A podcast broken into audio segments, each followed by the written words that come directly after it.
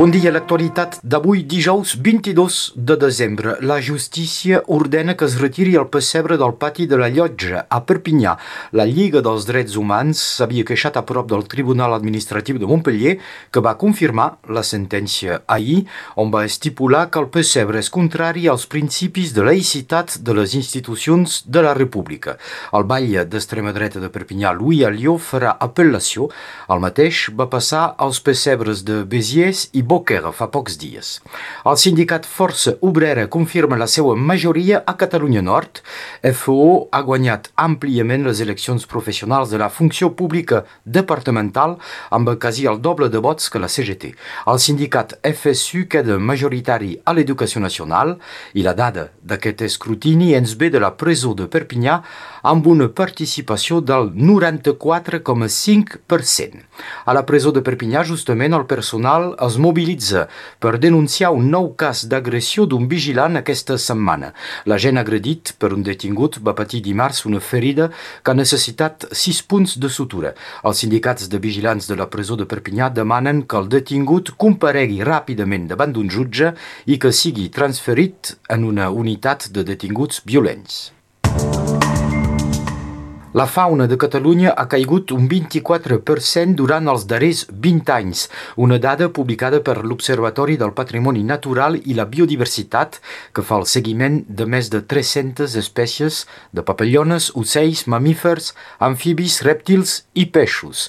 Segons els resultats publicats aquest 2022, el grup més afectat és el dels insectes. La perdiu roja i la granota verda completen el podi d'animals catalans amenaçats.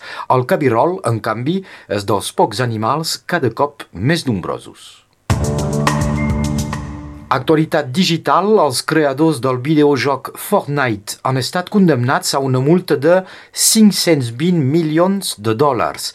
L'empresa Epic Games ha reconegut haver recollit dades personals sense el consentiment dels pares i haver introduït trampes i mecanismes enganyosos en els seus jocs per generar compres. L'engany hauria afectat milions d'infants i adolescents i les seves famílies. La Comissió Federal Americana del Comerç obliga la companyia a tornar als usuaris tots els diners cobrats amb aquesta pràctica fraudulenta. Una sanció pactada als Estats Units que podria fer jurisprudència arreu del món on moltes famílies podrien reclamar els diners perduts amb les pràctiques enganyoses d'aquell gegant dels videojocs. Una carta blanca avui al 10 sobre 10 la DJ i productor Mademoiselle Caro serà la reina de la nit. Els invitats Patrick Vidal i Numa faran girar els plats. La casa musical obre les seues portes avui a les 5 de la tarda, entrada 5 euros.